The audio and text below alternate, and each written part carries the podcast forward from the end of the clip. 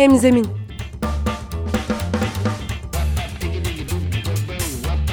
Daha iyi bir sosyal fayda iletişimi için fikirler, tartışmalar, örnekler.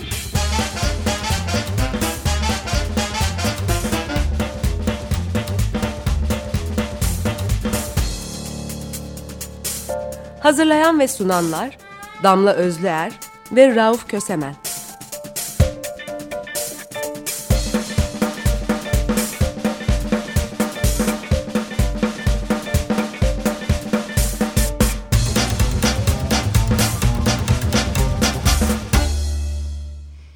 Herkese merhaba. Açık Radyo'da hem zeminde Rauf Kösemen ve Damla Özler'le berabersiniz. Bir programda daha bu kez üçüncü oldu. Üçüncü programımızın ana başlığı ise kurumsal sosyal sorumluluk.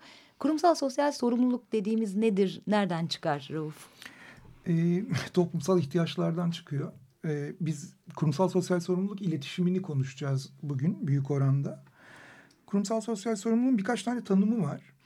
Şimdi marketingçiler, pazarlamacılar şöyle tanımlar yapmış. Kotler bilirsin, Philip Kotler diye ünlü bir adam var. Bu adam diyor ki isteğe bağlı iş uygulamaları ve kurumsal kaynakların kullanımı yoluyla toplumun refahını iyileştirmek için üstlenilen yükümlülük diyor. Yani şirketler için üstlenilen yükümlülük manasında.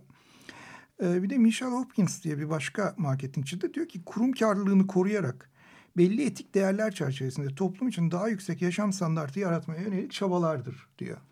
Wikipedia'da biraz daha farklı bir tanım var.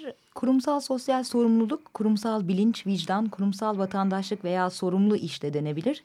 Kurumun iş modeline entegre ettiği bir düzenlemeler bütünü müdür? Ee, kurumsal sosyal sorumluluk politikası iş yerinin hukuki, etik ve uluslararası normlara uyumlu bir biçimde çalışmak üzere kendi kendini denetlediği bir model geliştirmesi üzerine kuruludur diyor. diyor. Ee, biraz fazla şirket bazlı bir tanımlama olmuş. Yani ihtiyaçlardan yola çıkarak e, konuşmak lazım. Şimdi şirketler de e, bu toplumun içinde yaşayan organizmalar. Bu organizmalar belli ihtiyaçları ortaya çıkmasa bu ihtiyaçları karşılamak için harekete de geçemezler. Biraz oradan bakmak gerekiyor. E, şimdi şöyle bakmış Haluk Gürgen, e, Türkiye'li e, bu konuda çalışan bir teorisyen, iletişimci.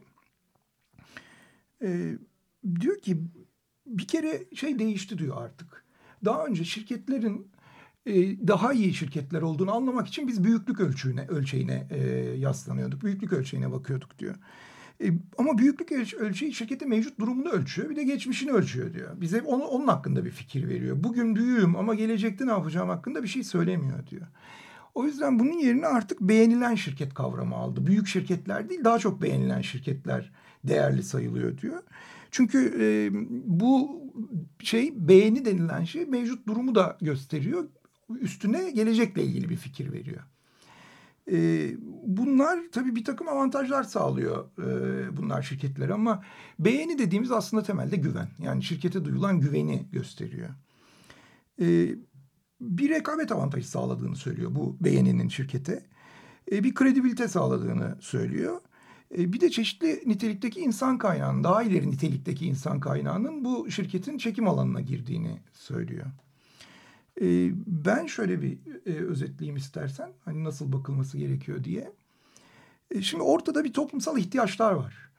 Bu toplumsal ihtiyaçlar bizim yaşadığımız hayattan da ortaya çıkıyor. Zaten var olan ihtiyaçlar da bunlar aynı zamanda. Bu ihtiyaçları bir şekilde devlet karşılamak zorunda. Bizim hepimizin varsayılanı söylüyorum. Hepimizin çıkarını temsil eden e, bir organizasyon olarak devlet temsil etmek zorunda.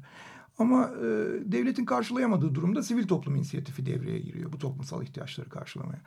Kız çocukların okullaşmasını örnek veriyoruz her seferinde. Okullaşma oranları düşükse bunun yükseltilmesi devletin görevi. Devlet beceremiyorsa sivil toplum tahammül edemiyorum artık ben bunu yapmak durumundayım deyip araya giriyor. Şimdi bu toplumsal ihtiyaç aynı zamanda bir başka ihtiyaçla çakışıyor şirketlerin kurumsal ihtivar ihtiyaçlarıyla çakışıyor. Yani şirketler toplumsal ihtiyaçları çözdüklerinde itibar kazanıyorlar. Ve güvenleri, e, bu şirketlere olan güven artıyor. Yani beğeni skalası e, genişliyor. E, böyle olunca şirketler de bu toplumsal ihtiyaçları çözmeye yönelik yatırımlar yapıyorlar. E, ve buradan itibar ihtiyaçlarını karşılıyorlar. Genelde kurumsal sosyal sorumluluk dediğimiz şey bunun üzerine oturuyor. Ben henüz kendi tanımını söylemedim onu söyleyeceğim daha sonra. Burada şöyle bir durumla karşı karşıyayız. KSS politikalarına baktığımız zaman genellikle üç ayak üzerinde ilerlediklerini görüyoruz. Hayırseverlik, e, çevre ve etik çalışma koşulları. Türkiye'de ise çoğunlukla karşılaştığımız KSS e, politikaları hep hayırseverlik üzerine ilerliyordu. Son zamanlarda çevre meselesinin bu kadar gündemde olmasıyla birlikte sürdürülebilirlik üzerinden de gelen bir e, çevre e, e, projeleri de ortaya çıkmaya başladı. Fakat bir e, şirket politikası olarak e, kurumsal sosyal sorumluluk ya da sosyal sorumlu şirket bakışı bir şemsiye politik, politikasını çok göremiyoruz. Senin bahsettiğin şeyden duyduğum benim biraz da Aynı zamanda bu bir başka tür ihtiyaca da işaret ediyor. Çünkü şirket içinde yaşadığı toplumla birlikte var.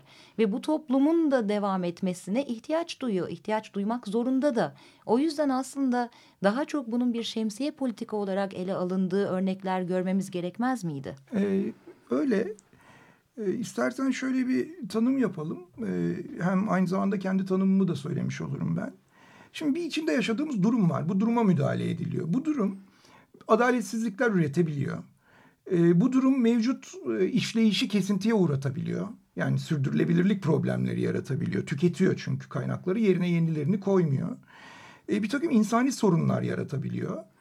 E, ve doğayla bir takım problemler yaratabiliyor. Yani buradaki tüketme sürdürülebilirlik meselesi sadece doğayla değil toplumla da ilgili bir de ayrıca doğayla ilgili de yaratıyor. Şimdi bir şirketin ya da kurumun çalışırken içinde bulunduğu e, ya da katkı yaptığı sisteme e, verdiği bir takım zararlar var. Bunu bilerek ya da bilmeyerek yapıyor. Yani aslında bazen zarar da vermiyor olabilir ama bir dengeyi bozuyor olabilir. Ben o yüzden diyorum ki e, bir şirketin ya da kurumun içinde bulunduğu ya da katkı yaptığı sistemin doğa ve toplumda bilerek ya da bilmeyerek bozduğu dengeyi yeniden sağlama veya onarma amaçlı faaliyet ve yatırımların tümüdür diyorum sosyal sorumluluk. Şimdi buradan bakınca da şirketler kendi e, yaptıkları şeylerin sonuçlarını çözmekle yükümlüler en önce. E, biraz kurumsal sosyal sorumluluk projeleri de buradan gidiyor. Bu e, kendi bozduklarını düzeltme meselesi üzerinden gidiyor ama işte kazın ayağı öyle değil. E, zaten mevcut yapının içinde çalışıyor olmak demek bütün sistemi bir şekilde e, dengesini bozuyor olmak demek. Buradan baktığımız zaman hem beğeni endeksiyle hem de şirketlerin yapmak zorunda kalmaları ile ilgili de bir toplumsal şeye baktığımızda bir terslikle karşı karşıya olduğumuzu da görüyoruz. Çünkü çoğu kurumsal sosyal sorumluluk projesi bir PR projesi, halkla ilişkiler projesi olarak görülüyor. Başlangıçta ve sonunda etki analizi yapılan, nereye dokunacağını, hangi problemi nasıl çözeceğini çok iyi belirlemiş. Bunları belirli stratejik adımlarla ilerleten projeleri çok sık duymuyoruz. Bizim kendi işimizde de bir e, sosyal fayda iletişimi ajansında da gördüğümüz, duyduğumuz en fazla söz daha çok çocuklarla bir şey yapalım oluyor. Bunun da hedefi çocuklar fotoğrafta güzel görünür Şimdi ona, oluyor. Ona tabii doğayla da ilgili bir şey yapalım eklendi epey eklendi. bir zamandır iklim meselesi yüzünden. Ama bir yandan mesela Birleşmiş Milletler 2000 yılında bir e, bin yıllık kalkınma planı açıkladı ve burada toplumsal kalkınma için devlet, özel sektör, sivil toplum üçgeninin doğru çalışması gerekliliğine ciddi bir atıfta bulundu. Bu sacaya neden önemli ya da bu yaklaşım bize neler söylüyor? Valla bin yıllık bir plan yaptıysa bence önce iklim değişikliğini durdurma planı yapsın bin yıllık. Ondan sonra kalan şeyleri konuşalım. Şimdi bak şöyle bir şey var, mesele var. Ee, neden bir şirket e, kurumsal sosyal sorumluluk projesi yapıyor?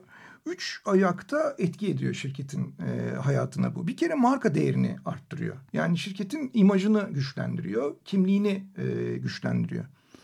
E, ikincisi güçlü bir araç bu. Yani itibar yönetimini e, yapabilmek için güçlü bir araç. Şirket kendini başka kendi e, faaliyet alanlarının dışında araçlarla da ifade edebilir hale geliyor. Böylece itibarını e, yönetebiliyor. E, üçüncüsü tüketici sempatisi kazandığı noktada bu sempati satın alma davranışına dönüşebiliyor. Dolayısıyla pazar avantajına dönüşüyor. E, işte bunu, bütün bunların sonucunda da bir KSS projesi, kurumsal sosyal sorumluluk projesi ödüllendirilmiş oluyor. Yani ödülü bu. Pazarı artıyor, kimliği güçleniyor. E, iyi bir itibar yönetimi aracı elde etmiş oluyor. Şimdi e, şeyin bildirdiği yine Haluk Gürgen'in bildirdiği bir e, şey var, veri var. E, bir kuruluşun finansal göstergelerinde hiçbir değişiklik olmadan hisse senetlerinin değeri yüzde on beş oranında etkilenebiliyor. Sosyal bir durumdan ya da e, bir sosyal faaliyetten dolayı. Yani memlekette obezitenin yükseldiği tartışılıyorsa obezite ile ilgili olabilecek şirketlerin değerleri yüzde on beşe kadar düşebiliyor birdenbire. Ya da herhangi bir şirket e, tersini yaparsa, obezite üzerine yatırım yaparsa ya da doğa üzerine yatırım yaparsa yine e, ekonomik faaliyetinde bir değişiklik olmadan, göstergelerinde bir değişiklik olmadan değer kazanabiliyor. Bu müthiş bir şey tabii. E, dolayısıyla çok güçlü ödüller e, alıyor burada kurumsal sosyal sorumluluk projesinin sahibi olan firma. Peki doğru bir kurumsal sosyal sorumluluk projesi nasıl planlanmalı? Bir kere gerçek bir soruna odaklanmalı. Yani hep aynı cümleyi söylüyorum ama gerçek bir soruna odaklanmalı ama bunun bir de teknik tarafı var. Söyleyeceğim bir şey var galiba. Yok ha, tamam. hayır dinliyorum. Tamam bunun teknik bir tarafı var. Teknik tarafı da şu. Bir şirket kendi başına bir şirket değil. Şirketin paydaşları var. İşte mal aldığı yerler var, hizmet aldığı yerler var. E, bu hizmeti veya ürününü ürettiği e, çalışanları var şirkette. Bu hizmeti ve ürünü satın alan tüketicileri var. Bir de bütün bunları çevreleyen bir toplum var. Yani bunu bir odak gibi düşünürseniz bir şirketi. Bu odağın etrafında organize ettiği gruplar var. E, bu gruplar tüketiciye oradan da topluma kadar uzanıyor. İyi bir sosyal sorumluluk projesi teknik olarak bunların hepsine değmeli. E, paydaşlarını içine katmalı, çalışanlarını e, motive etmeli ve içine katmalı, parçası haline getirmeli e, tüketicisini bilgilendirmeli ki sempati kazanabilsin. Ve topluma da faydası olmalı. Burada e, genellikle tüketicisine faydalı e, projeler yapıp duruyor şirketler. Yani o skalayı burada değerlendiriyorlar. Paydaşlarına, çalışanlarına, tüketicilerine eriştiklerinde sanki topluma erişmiş gibi varsayıyorlar kendilerini. Ama asıl muhatap toplum burada. Bir yandan da o zaman e, böyle düşündüğümüzde şirketin herhangi bir kurumsal sosyal sorumluluk projesi planlarken değdiği sorunu iyi tanımlaması ve o soruna vereceği cevabı ya da o sorunu çözmek için atacağı adımları da iyi planlaması gerekiyor. Herhangi kız çocukları örneğini verdin biraz önce oradan devam edersek kız çocuklarının eğitimi üzerine herhangi bir proje yaptığınız zaman var olan koşulları değiştirmeden sadece çocukları eğiterek yaptığınız herhangi bir proje daha iyi eğittiğiniz kız çocuklarının aynı koşullara geri dönmesi anlamına geliyor. O yüzden çok katmanlı düşünüp sivil toplumdan da ciddi paydaşlar alarak onların gösterdiği yol göstericiliğe de dikkat etmek gerekiyor. Evet bir de problemi araştırarak, e, inceleyerek, analiz ederek davranmak lazım. Yani e, benzer bir örnek Soma'da yaşandı. İnsanlara oyuncaklar, çocuklara oyuncaklar gönderdiler. E, gönderilen oyuncaklara çocuklar alınca bisikletlerini, tabletlerini vesairelerini aldığında çok sevindiler doğal olarak ve ailelerinden birisini kaybettikleri için sevindirilir hale geldiler, ödüllendirilir hale geldiler. Hatta bir gazete bunu manşet yapmıştı. Keşke benim de babam ölseydi diye. Yani komşunun çocuğu tutup buradan bambaşka bir şey e, çıkartıyor. Analizi sağlıklı yapmazsanız sorunu doğru anlayamazsınız. Sorunu doğru anlayamazsanız da çözüm üretemezsiniz. Tam tersi sorun üretirsiniz. Aynen öyle evet.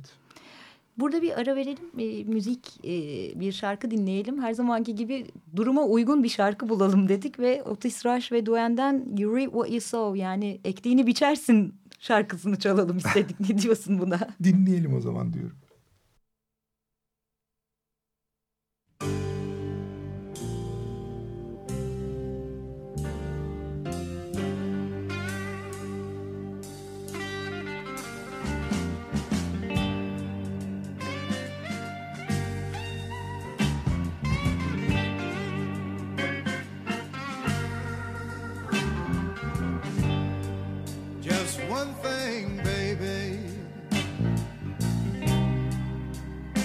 Child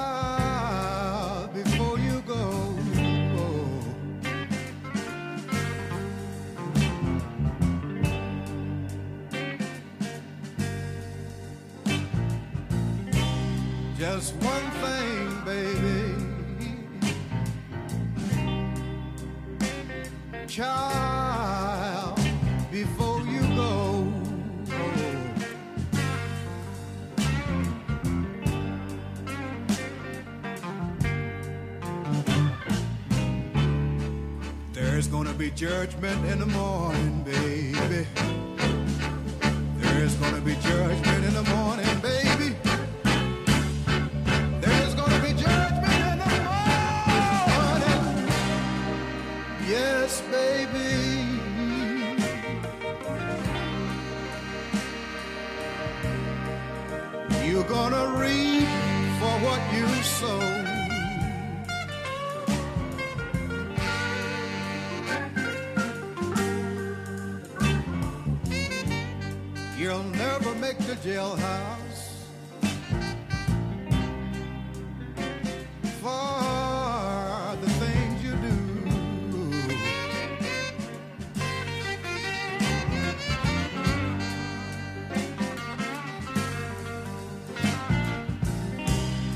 You'll never make the jailhouse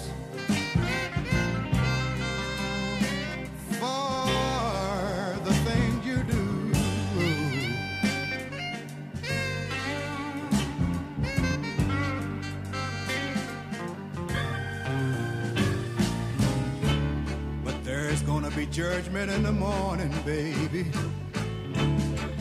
There's gonna be judgment in the morning, baby. There's gonna be judgment in the morning. Yes, baby.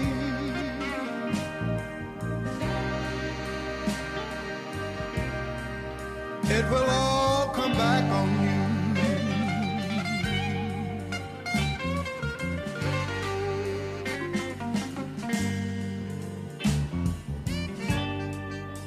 never buy with money.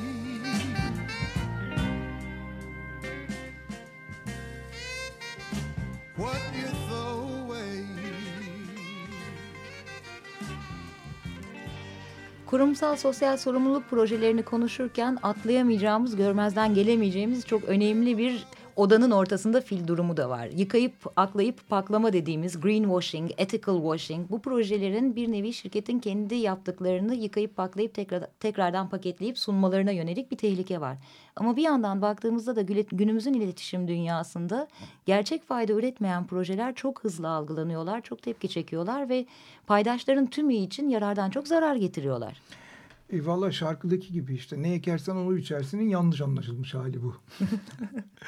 e, şimdi bir, bir şekilde e, doğaya zarar veren örneğin hatalı su kullanımı yüzünden e, ya da gelecekte hatalı su kullanılacağını bildiği için su üzerine proje yapmak ya da e, doğaya zarar verdiği için doğa üzerine proje yapmak gibi şeyler yapıyor firmalar. Buna işte washing diyoruz buna. Şimdi karışmasın e, şöyle bir şeyle bir şirket ağaç tüketerek kağıt yapıyorsa yerine ve yeni ağaç dikiyorsa bu sürdürülebilirlik projesidir. Bu greenwashing değildir. Burada sözünü ettiğimiz çevreye duyarlı projelere yapılan yatırım yani bir iletişim yatırımı olarak yapmak bunu. E, iletişim dışında çok az şey yaparak e, yürütmek. Şimdi bir yandan hani olumlu bakarsak şöyle bir yan var. E, bu e, tüketicilerin e, sosyal baskı oluşturan güçlerinde radarlarını bu şirketlere çeviriyor aslında. Yani bir şirket herhangi bir konuda sosyal proje yapmaya başladığında o şirketin o konuda arka planda bir suçu var mı, bir e, eksiği var mı diye bakılmaya başlanıyor. Belki tek olumlu yönü bu olabilir buradaki greenwashing. Sahneye çıkıyor ve dikkatleri üzerine çekiyor çünkü. Evet yani konuşulmasını istediği bir konu ortaya atmış oluyor. Şimdi o zaman bir de bu kurumsal sosyal sorumluluk projelerinin iletişimlerine gelelim. Evet asıl en konumuz. önemli sorunlardan biri bu iletişim ayağı. Hem hamaset yapmayacaksın, hem vakarını kaybetmeyeceksin, hem de iyilik yapıp denize atmayacak bunu duyuracaksın. Buradaki ince denge nasıl sağlanacak? Ya aslında bu denge kendiliğinden sağlanır bir denge. Şimdi bir kere e, bu kurumsal sosyal sorumluluk iletişimi bilgi odaklı olmalı. Yani bilgi odaklı olmadığı zaman e, çok da faydası dokunmuyor. Nasıl olacak bu? E, dört tane nokta var temelde. Şeffaflık, süreklilik, gerçeklik ve soruna odaklanma. Yani şeffaf olmanız lazım. Ne yapıyorsanız bunu olduğu gibi paylaşmanız gerekiyor toplumla. Bunu nasıl sağlıyorsunuz? Hikaye anlatıcılığı burada çok önemli. Yani filmler, e, kitaplar, televizyon ve radyo programları. Burada üzerine odaklandığınız konuyla ilgili topluma bilgi vermeniz gerekiyor. Ve nasıl çözdüğünüzle ilgili bilgi vermeniz gerekiyor. Ama kritik nokta üzerine odaklandığın konuyla ve yaptıklarınla ilgili. Kendinden değil sorundan ve sorunun çözümünden bahsetmen evet, gerekiyor. Evet, evet, aynen öyle. Yani oraya geleceğim. Ee, şimdi süreklilik diye bir şey de var. Yani bütün bunları bir de süreklilik içinde yapman gerekiyor. Düzenli bir iletişim yapacaksın. Yani düzenli bilgilendireceksin toplumu. Burada mektuplar gönderilebilir. Sosyal medya çok etkin kullanılabilir bu meselenin üzerinde. Düzenli olarak bilgilendireceksin. Sürekli olarak. Ee, şimdi bir gerçeklik meselesinden söz etmiştim. Onu da söyleyeyim. O da şöyle bir şey. Sorunlar gerçek olunca sen de gerçek çözümler üretiyorsun. Sanal çözümlerle uğraşmıyorsun. O zaman gündeme gelebilme gücün de çok fazla oluyor. Yani haber değeri taşıyor bir kere. Çünkü ger bir gerçek üzerinden konuşuyorsun. Toplumun da e, bunu haberleştirecek olan odaklarında dikkatini çekiyorsun. E, ve soruna odaklanma. İşte senin söylediğin yer tam burası. Kendini değil sorunu ve sorununu çözdüğün projeyi anlat. Yani soruna odaklan, kendine odaklanma. Proje sahibini değil, proje sahibinin aklını göster. E, buna şöyle bir formül e, öneriyorum ben. Övünme, sevin, sevincini paylaş. E, çünkü sevinç ortaya çıkan e, problemlerin çözümlerine odaklanma sonucunu verir. Övünme ise kendine odaklanma sonucunu verir. Bir şirket sosyal sorumluluk projesini anlatırken kendine odaklanmamalı projeye ve soruna odaklanmalı. Bunun iyi örneklerinden bir tanesi var. Soma Dayanışma Ağı örneğin. E, kurumların üstelik farklı farklı kurumların yer aldığı e, Soma'da Psikososyal Hizmet ve Destek Merkezi kurulmasına yönelik bir projeydi. Ve bu projede asli önemli olan yapılan işin çözümüydü ve iletişim de bunun üzerinden ilerliyor öyle değil mi? Ee, evet şimdi 301 madenci e, yaşamını yitirmişti bir de faciadan da 487 madenci e, kurtulmuştu. E, bunların aileleri var e, ve bunun dışında da bölgede yaşayan binlerce insan var.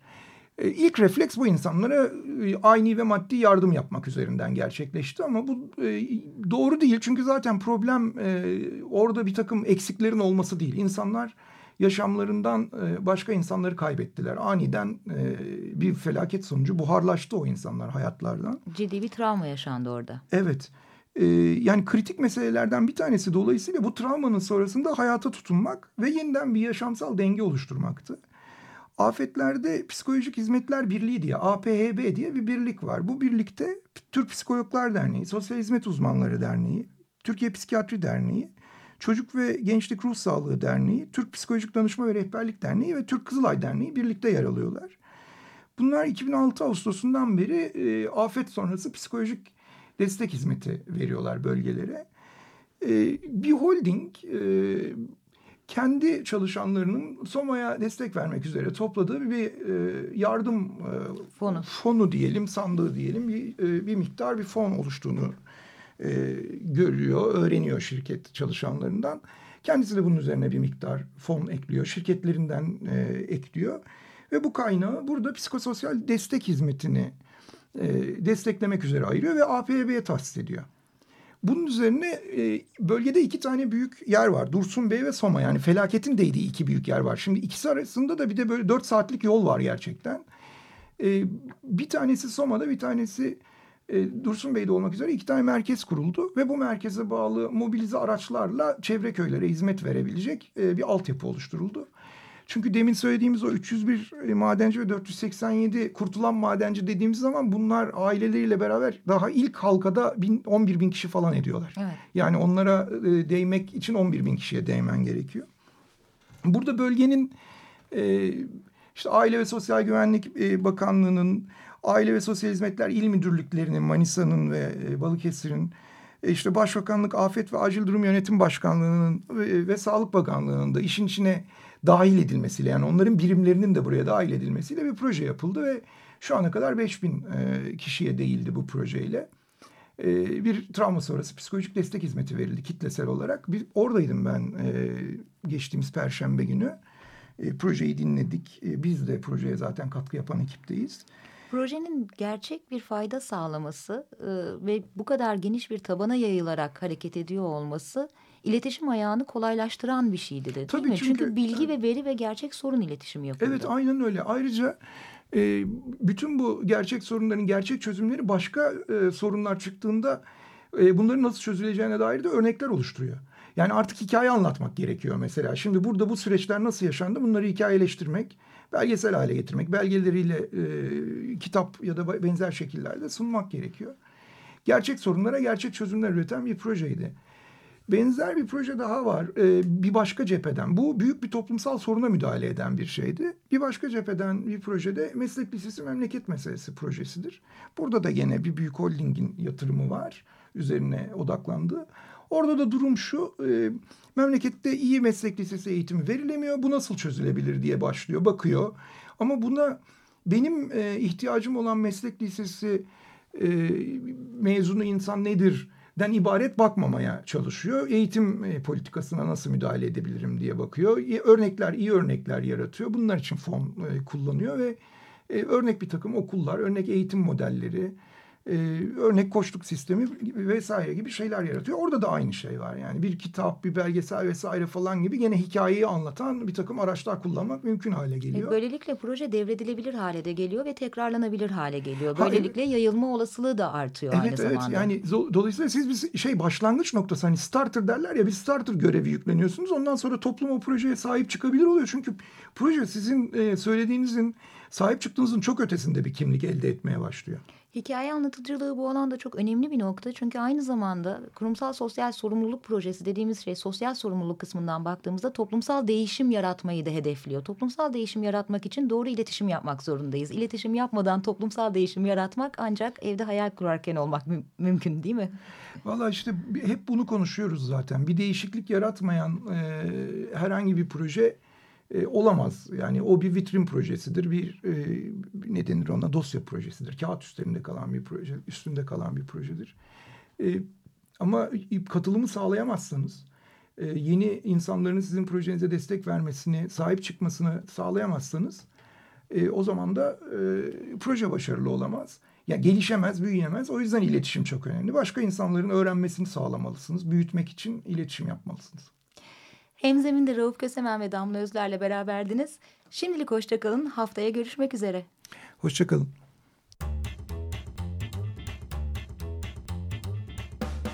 Hemzemin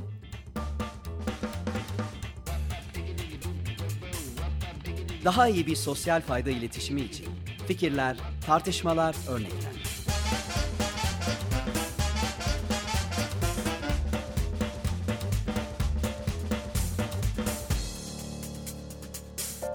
Hazırlayan ve sunanlar Damla Özler ve Rauf Kösemen.